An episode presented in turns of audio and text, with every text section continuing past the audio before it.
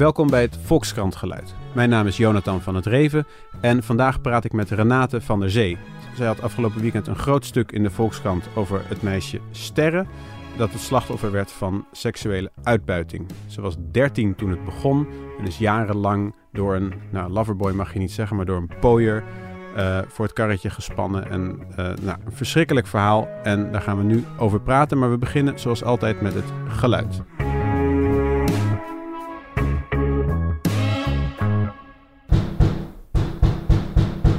Renate, wat hoorden we hier? Gebons op een deur. En waarom? Ja, ik, ik koos voor uh, gebons op een deur omdat um, er in het verhaal wat ik over Sterren schreef, die slachtoffer is van uh, seksuele uitbuiting, uh, ergens ook, zij ook vertelde dat zij op een deur bonste. Um, dat heb ik niet in de tekst zelf opgeschreven, was geen ruimte voor, maar zij bonste op een deur en ze zei, maar er was niemand die het hoorde. Of misschien was er wel niemand die het wilde horen. En toen jullie mij vroegen om geluid, toen dacht ik, ja, dit is dus eigenlijk de situatie. Sterren bonst op een deur ja. en er is niemand die het hoort. En misschien is, het wel, is er wel niemand die het wil horen. Ja, ja dus het is ook een overdrachtelijke deur. Um, ja, een, een, een, een verschrikkelijk heftig verhaal was het dus vooral ook. Ik, ik bedoel, je weet, ik wist dat dit soort dingen gebeurden, maar omdat het ook zo, het was zo normaal, zo'n zo'n zo'n schoolmeisje van 13. En sowieso, nou ja, een heel gewoon meisje verder leek het in het ja, verhaal. Ja, maar goed, een meisje uit, uh, uit uh, Roemenië is ook een heel gewoon meisje hoor. Ja, dat is waar. Maar dan snap je nog dat ze in een, in een omgeving die heel anders is dan die van mij opgroeit. En uh, op wordt gevoed door de zus. En dan weer daar armoede. woont en dan weer door. Armoede, andere cultuur. Maar dit is gewoon Ster. Het zal niet de echte naam zijn, neem ik aan. Maar, maar ze had een, echt een naam die volledig vergelijkbaar is. Ja, ja. En um, hoe ben je bij haar terechtgekomen? Hoe vind je zo iemand die daarover wil praten? Want inmiddels is Sterre dus acht. Ik mag niet vertellen hoe oud ze is. Oké, okay, maar goed. Ze is nu ze is nog, geen, nog niet, geen 30 en ook geen. Uh, ik kan je ook niet vertellen uh, via uh, wie ik aan haar ben gekomen. Maar ik kan je wel vertellen dat ik al iets van acht jaar bezig ben met onderzoek doen als journalist in de wereld van de prostitutie. Het begon uh, met dat ik wilde weten hoe het eigenlijk mogelijk was uh, uh, hoe een mens seksuele uitbuiting of gedwongen prostitutie kan overleven. Dat ik daarover aan het nadenken was. Mm -hmm. En um, toen dacht ik, nou, de enige manier om dat echt, daar echt achter te komen voor een journalist is natuurlijk een boek daarover schrijven. Ja.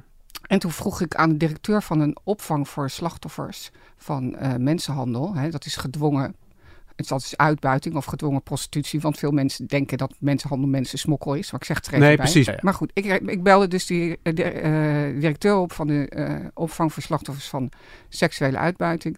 En ik zei tegen haar van, goh, uh, kunnen jullie misschien iets voor mij doen? want ik wil een boek schrijven over dit onderwerp. En toen zei ze, nou, jij kan beginnen met iets voor ons te doen. Uh, kom maar vrijwilligerswerk doen. Dan kan je zien uh, wat voor materie je mee bezig bent. Dus ik ben daar uh, ja, vrijwilligerswerk gaan doen. Met een aantekeningenboekje? In mijn hoofd. In je hoofd. Want ik ga niet uh, aantekeningen maken van waar mensen bij zitten, zodat het een hele rare situatie ontstaan. Gewoon, ik ging gewoon kijken om te weten wat het was. En de verhalen die ik daar hoorde waren gewoon zo afgrijzelijk. Ja. Dat ik bij mezelf dacht van, ja, gewoon vrouwen die gewoon opgesloten waren in, in, in huizen en seksueel uitgebuit en gebroken waren, bijvoorbeeld door ze niets te eten te geven. Of, of door ze te filmen en te zeggen: als je niet doet wat wij zeggen, dan zetten wij dit filmpje uh, op internet. Uh, verhalen van geweld, verhalen van ook al vreselijke ontreddering om te beginnen. Ja. Dus toen dacht ik: poeh, als dit allemaal, uh, als dit allemaal gebeurt. Um, in de wereld die prostitutie heet. Hoe ziet die wereld er dan in zijn geheel uit? Dan wil ik ja. eigenlijk wel meer over weten. Ja. Nou, toen ben ik uh, eigenlijk toen ben ik me er helemaal ingestort. Heb ik me er helemaal ingestort. Ben echt he- maandenlang vrouwen opgezocht op de wallen. Ja. Ik heb met iedereen gepraat, eigenlijk van politie tot uh, mensen binnen de juridische wereld. Uh, ik heb ook met pooiers gesproken. En langzamerhand ben ik gewoon, ja, ben ik gewoon veel meer te weten te gekomen over deze wereld. Ja, we gaan straks nog eventjes uh, praten over wat je er nou uiteindelijk van vindt. Wat er qua beleid zou moeten gebeuren en veranderen en zo. Maar ik wil nog heel eventjes terug naar, uh, naar Sterren. via jouw netwerk heb je dan haar nummer gekregen of je hebt haar ontmoet. Ja. En, want ik, ja, sorry, ja, ik, zat het, ik zat het te lezen en, en ik zat me ook steeds af te vragen, zou zo'n kind, of als ze nu net volwassen is, weet ik niet, zou ze niet doodsbenauwd zijn dat, dat iemand dit leest, dat iemand dit herkent of zo? Ja, dat heeft, heeft ze dan, dat, ik kan me voorstellen dat iemand halverwege het interview zegt, ik wil dit toch niet en zo. Heb je... Ja, dat kan, dat kan gebeuren. Het is de- deze keer niet gebeurd. Eh, deze keer is er iets heel anders gebeurd halverwege het eh, interview. Ehm het heeft namelijk geprobeerd om eh, op te houden met leven. Oh, En mm, ja, dus zo, zo heftig is het dan. ja. En ehm, ik ben even van mijn apropos, ja, sorry. ja, snap ik. Eh, en eh, dat heeft niet het stuk gehaald. Nee, ik vertel het nu en ik denk, doe ik er goed aan om het te vertellen? Weet ik eigenlijk niet. Maar ik vond het, ja, ik dacht, eh, ik, wil mensen, ik wil mensen niet overvoeren met ellende. Nee, nee. Het is al zo erg. Ja, want je hebt dus ook die bondscène op de deurbons, wat, wat heel dramatisch is, heb je er ook uitgelaten. Ja, maar je kunt En van niet... allebei denk ik van, oh, als je dat erin doet, dan heb je nog Ja, een veel... eh, ja, maar ik ben niet een, eh, ik ben geen schandaaljournalist. Nee, nee. En wat mijn bedoeling was om mensen uit te leggen: kijk, dit gebeurt bij jou om de hoek. En dit, dit kan zomaar gebeuren. Ja. En, ik, en ik wilde niet een super heftig eh, verhaal schrijven waar. eh, het, het was al, ik vind het al heftig genoeg. Ja. En- ja, ik vond het ook wel heftig genoeg. Ja, hoor, echt. Eh, ik, maar er is, ook- kijk, dat is één, is, is het discretie, Ja. goede smaak. Ja. En twee, is het ook, de lezer leest niet verder als het, de lezer gaat het, gaat, niet, gaat het niet meer geloven als ik het, Als het nog erger wordt. nee.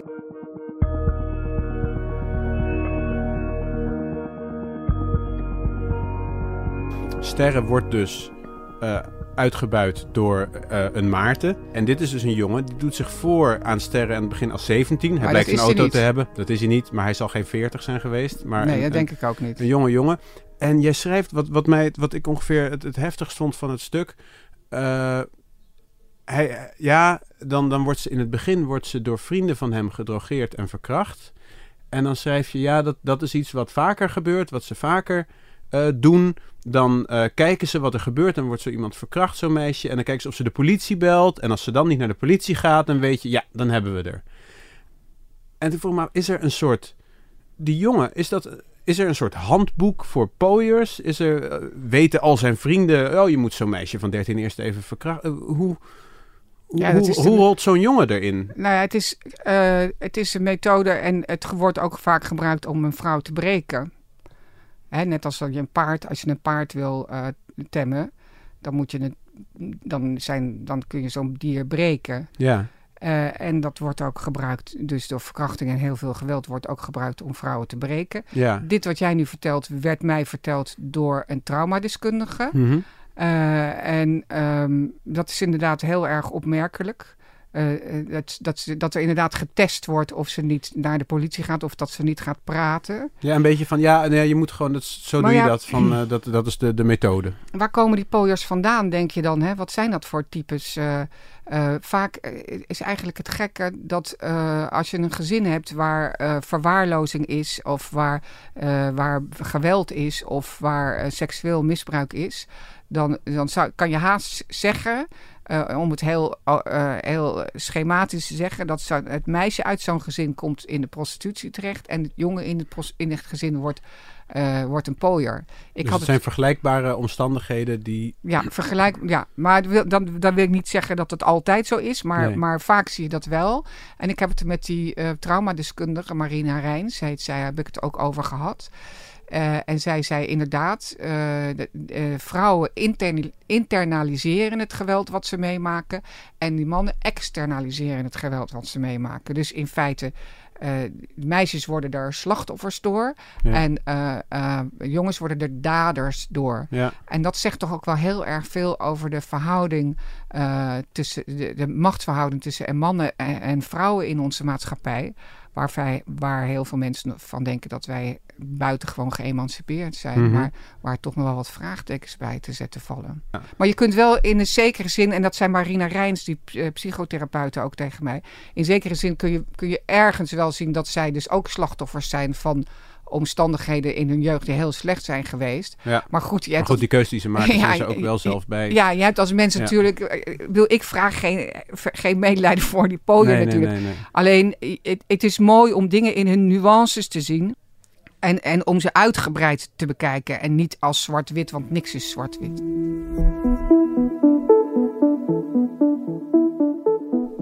Nog even door over die pooiers, want er is een, toch in mijn hoofd althans een heel groot onderscheid tussen iemand die eh, vier legale ramen runt op de wallen en vier, zoals die dan eh, in mijn eh naïeve Waarom wil jij eigenlijk zo doorgaan over die pooiers?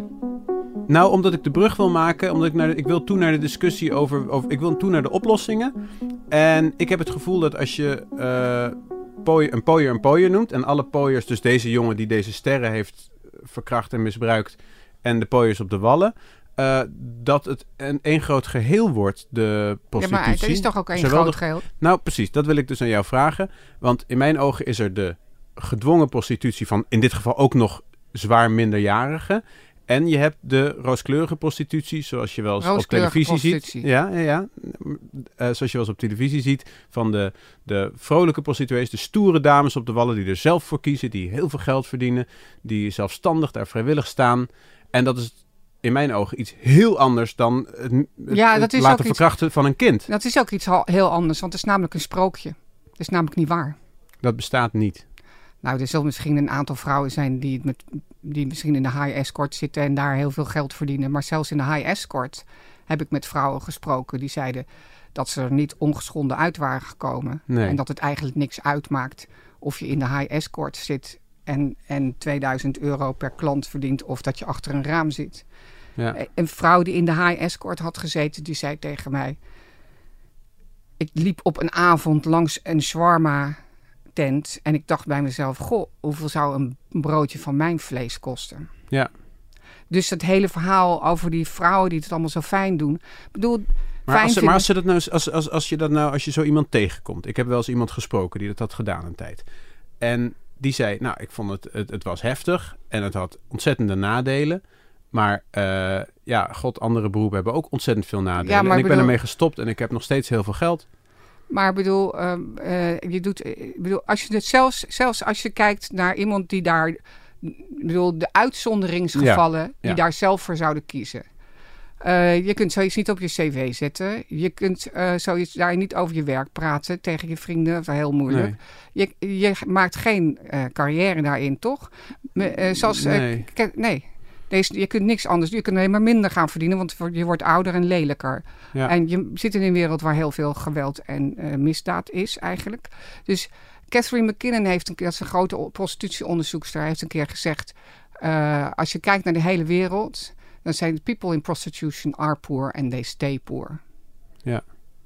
Dus het Ja. idee van dat jij ook wel eens een keer een vrouw heeft ontmoet, hebt ontmoet die heel veel geld daarin heeft verdiend. Nou ja, oké. Luister, die uitzonderingen zijn er. Maar, Maar dan moeten we toch dat onderscheid wel maar goed zitten, maken. Zitten we, zitten we hier nou om over de uitzonderingen te praten? Of zitten we hier nou te praten om, om te weten wat er werkelijk gaande is in de prostitutie? Of willen we onze ogen sluiten voor de werkelijkheid van de prostitutie door te zeggen: ja, maar die vrouwen vinden het best wel leuk en die verdienen. Nee, maar volgens mij, is er, volgens mij is er een weg tussen zeggen... de hele prostitutie is alleen maar geweld en ellende... en daar is helemaal niets leuks aan. En zeggen, eh, oké, er zijn uitzonderingen. Er zijn mensen die het daar fijn vinden... en die daar redelijk prettig werken. Eh, maar dat zijn er maar zoveel. En dan, moet je, en dan kun je een schatting maken of zo, toch? Dat is toch... Want als je alles, alles verwerpt als verschrikkelijk... dan kan ik me voorstellen dat juist... dat je boodschap verloren gaat. Omdat Ja, mensen nou ja, zeggen, ja, maar kan- dat, dat is helemaal niet altijd waar. Nou ja, sorry, ik loop al jaren rond in die wereld en eigenlijk het enige wat ik heb gezien is misère, ellende en mensen die gewoon kapot zijn gegaan. En misschien Ja. zit er dan zo nu en dan iemand tussen die. Maar daar, daar, wil, daar wil de Nederlander altijd weer de nadruk op leggen. Daar wil Nou, jij eigenlijk ook een klein beetje de Nou, nadruk ik, op het, wat mij fascineert, want ik heb dat opgezocht. Maar mag wat ik mij even fascineert iets- is dat de, de schattingen. Uit, Mag ik even, mag ik, Ja? laat, laten we nou even eh, niet meteen over schattingen beginnen, want dat is ook Nee. zoiets vaags. Nou, maar ik heb bijvoorbeeld een vrouw ontmoet. Ik heb bijvoorbeeld een vrouw ontmoet die jarenlang in de prosti- prostitutie heeft gezeten. Uh-huh. Daar ben ik, ben ik bij op zoek gegaan. Die is trouwens getrouwd met een klant. Ook, nou ja, ook nog wel apart verhaal. Mhm. Maar ik ben bij haar op bezoek gegaan en ik heb een hele dag met haar zitten praten over prostitutie. En die, heeft, en die vrouw, die zei tegen mij, Renaat, laat je niks wijsmaken. Merendeel van de vrouwen in de prostitutie gaan er gewoon aan kapot. Ja, En, Ja. en het is alleen maar zo dat in, in Nederland wordt het fabeltje verteld van de blije prostituee ja, om eh, in stand te houden dat we een wereld hebben gelegaliseerd. ja, Eh, ja, die gewoon, die gewoon vernietigend is. ja. Ik ben niet tegen het criminaliseren van prostitutie. Nee, Ik vind dat prostituees vrij moeten blijven, want ze hebben het al zwaar genoeg. Maar ik vind wel dat we iets moeten doen aan de vraag. Want het, want het is een vraaggestuurde markt. En als mannen die dus vinden dat zij het recht hebben om seks te kopen van iemand zoals Sterren, dan Mhm. moeten ze ook bestraft worden. Ja, maar dat is natuurlijk ook al heel erg strafbaar.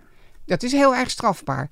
Maar als je in een land woont waar de regering heeft gezegd: hé, hey, wij vinden prostitutie zo normaal Mhm. dat wij dat gaan legaliseren. En dat wij overal straten hebben waar eh, jonge eh, vrouwen uit hele arme lonenlanden, lage lonenlanden, Ja. halfnaakt achter ramen staan. En waar ze voor een miniem bedrag gewoon eh, een of ander, weet ik veel wat voor vent, moeten bedienen seksueel. Als, Mhm. als je een, een regering hebt die zegt, oh, dat vind, dit vinden wij zo normaal dat wij dat gaan legaliseren, dan normaliseer je het ook in de hoofden van de mannen. Ja, En als je het in de hoofden van de mannen normaliseert, is de volgende stap dat ze denken: oh ja, maar dit is zo normaal, dit mag allemaal, dit vindt iedereen oké. Nou ja, mm, ik, ze ziet er niet uit als 18, maar let's go. ja dus jouw, jouw theorie, jouw overtuiging is dat, dat doordat de, de volwassen prostitutie die nu legaal is, bijvoorbeeld op de Wallen, doordat die bestaat, krijg je aan de, aan de rafelranden de stukjes die net of al heel erg, zoals bij sterren illegaal zijn, krijg je daardoor meer eh klandizie. Dat weet ik, dat zeg Of ik dat niet. dat is niet vaker gebeuren? Ik zeg alleen maar, je maakt het normaal in de hoofden Ja, nee, van de precies. mannen. Je maakt het Zodat- normaal. Nee, dat weet ik. Zodat mannen eh, die misschien helemaal nooit naar de prostitu prostituee waren gegaan, eh, het toch doen omdat ze met z'n allen over de wallen Nee, lopen. dat kan, me voor, dat kan ik me goed voor. Dat, Ja. dat- daar, daar kan ik in Maar komen. Dus mannen die daar lopen en die zien, die zien daar een, die zien een febo en daarna zien ze een raam met een meisje erachter en denken ze, oh, dat kan ik ook nemen. Ja, Ja, En dat die, snap ik. en die dat, 50 dat- ik kan me euro die hij betaalt, Ja. gaat in de zak van een pooier. En zo houden hele gewone jongens, die eigenlijk dat helemaal Ja. niet van plan waren, Nee. door de legalisering van prostitutie, Ja. omdat het zo makkelijk en open en omdat iedereen net doet alsof het normaal is, houden heel gewone jongens zoals jij, Ja. hè, ik zeg helemaal niet dat je het ooit hebt gedaan, maar ik bedoel, gewone normale knullen houden gewoon pooier, pooiers in stand. Die spekken de zakken van, van, de, van Ja. de mensenhandelaren.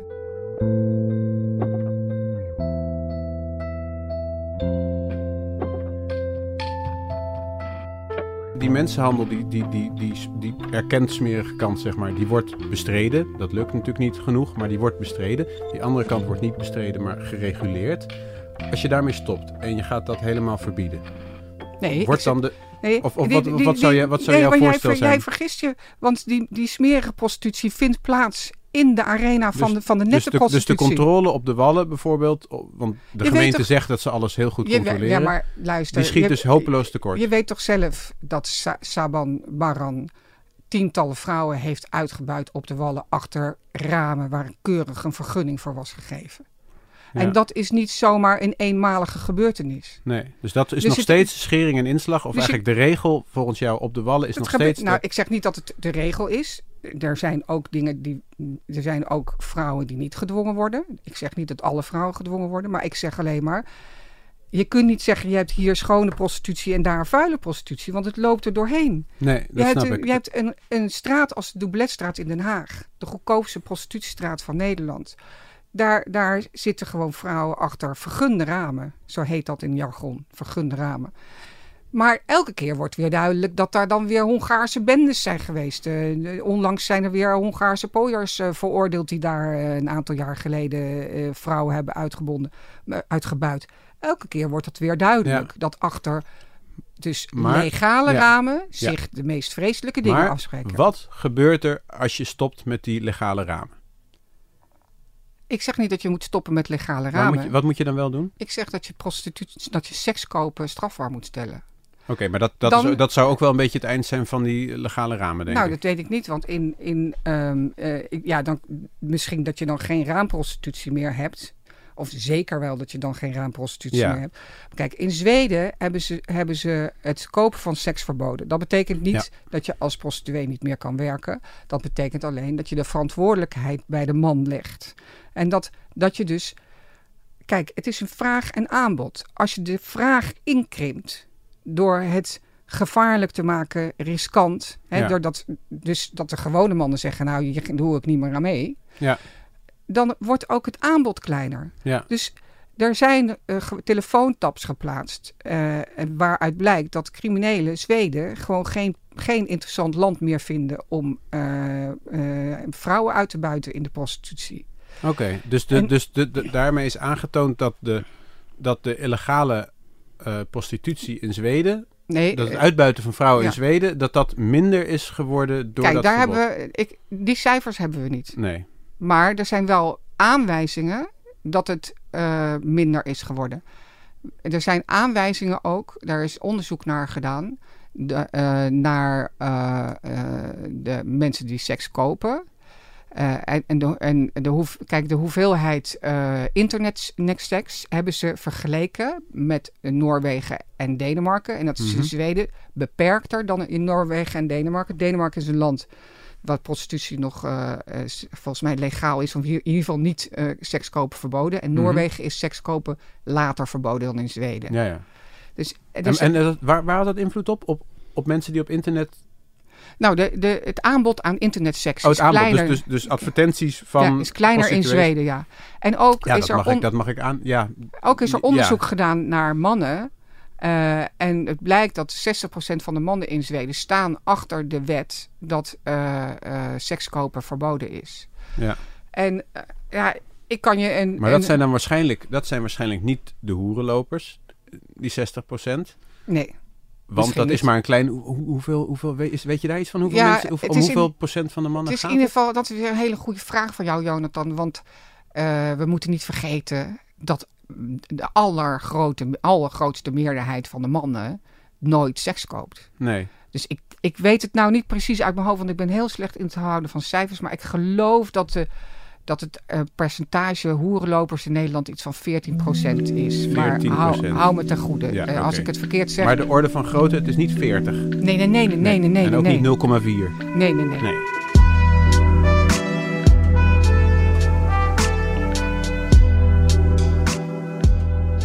En eh, jij bent dus niet bang voor het effect zoals bij de drooglegging in Amerika of het verbied op harddrugs hier in Nederland.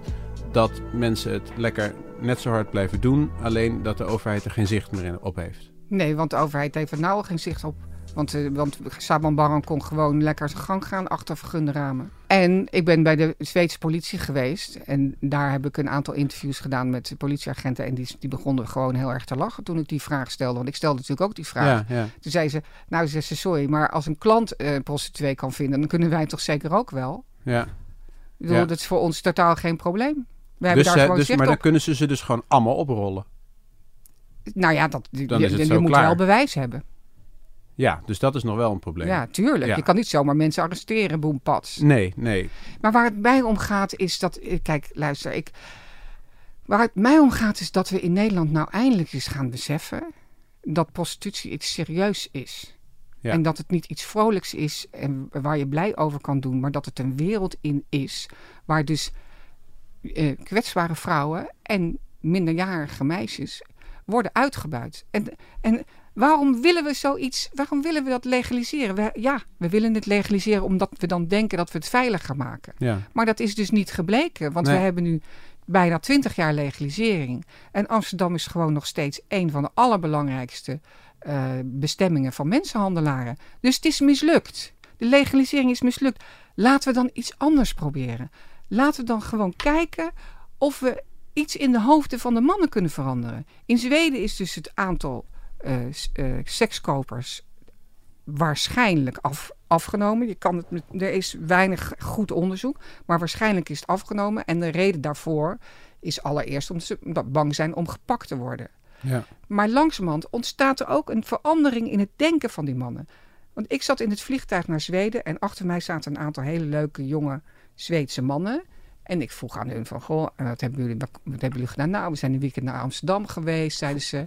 Voor de wallen. En ik stel dan altijd meteen de hamvraag van, goh, zijn jullie ook naar de Wallen geweest? Toen zeiden ze, nee, natuurlijk niet. wij, wij snappen niet hoe jullie Nederlanders zoiets vernederends als prostitutie kunnen legaliseren. Ja, Toen dacht ik bij mezelf, zo. Wat zijn die pedant. Oh, vind je dat pedant? Nee, ik dacht dat je dat... dat, dat zou ik, ik, ja, ik vind Sorry. het... Het is, het is een heel... Sorry, maar... Oké. Dit gaat echt te ver, hè? Nee, maar ze zijn, het is toch, die jongens zijn toch. Dat is, ik, ik maak gewoon een grapje omdat zij op hun, op hun eh, hoge paard over een ander land oordelen. Terwijl hier ook allemaal ingewikkelde afwegingen worden gemaakt. Zij zeggen, wij begrijpen niet hoe je zoiets vernederends als prostitutie kan legaliseren. En dat vind Ja. jij pedant. Ik vind, dat, ik vind dat een beetje pedant, omdat ik ook Ik het vind dat andere van jou kant heel ken. erg pedant eigenlijk. Nou, ik vind het andere kant, de andere kant van het verhaal. Ja, ik ben. Ik weet er minder van dan jij. En ik kom uit een heel liberale hoek. Dus ik vind het heel moeilijk om mensen te verbieden als ze dat allebei willen om. Als Voor ze geld het allebei willen. Precies. En dat zo, volgens de wet moeten ze het ook allebei Ja, willen. vind- En dus daar, dus, maar dat, is, dat, dat weet je toch ook dat een, dat, dat een ingewikkelde eh, discussie is. Het is toch niet zo dat iedereen die anders in die discussie staat willen, moreel verwerpelijk Als, is? het, als, als die vrouw het ook zou willen, dan zou die haar toch niet hoeven te betalen? Nee, voor geld. Ze willen het wel, maar wel voor geld. Ja, maar ze willen het dan in wezen dus niet, want anders had ze niet betaald moeten worden. Nee, maar dat, nee, maar Je dat, kunt geld- toch dat, no- geldt, dat geldt maar ook je- voor mijn Je werk. kunt toch nooit zeggen dat het consenting adults zijn? Zij komt uit een arm land of uit een kwetsbare situatie. Zij is, zij is jong. Zij heeft weinig geld. Hij, hij komt gewoon uit een comfortabele situatie dat hij langs dat raam kan lopen en kan kiezen wie hij wil. Dat zijn toch geen consenting adults?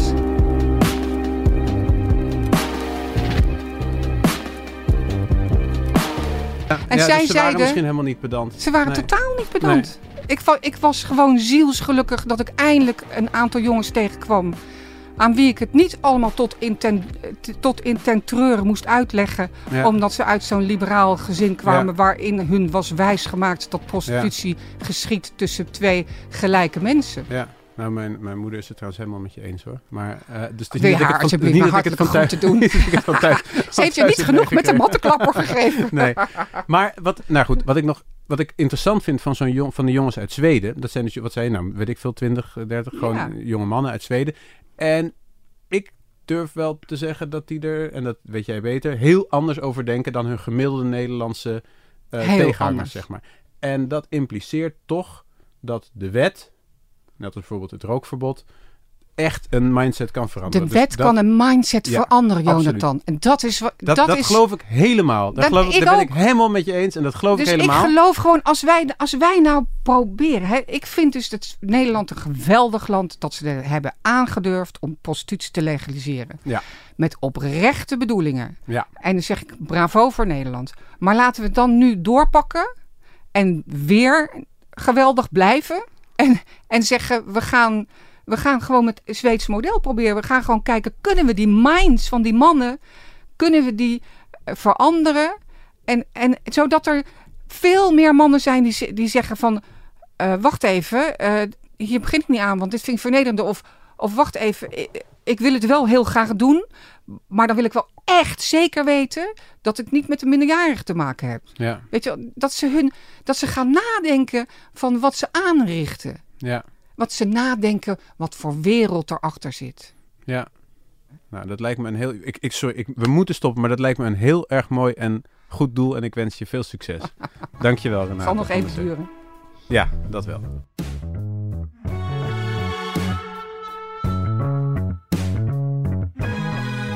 Dit was het Volkskrant geluid. Als je nou de volgende aflevering niet wil missen, dan moet je je abonneren. Dat kan via iTunes en dat kan via SoundCloud. Tot dan.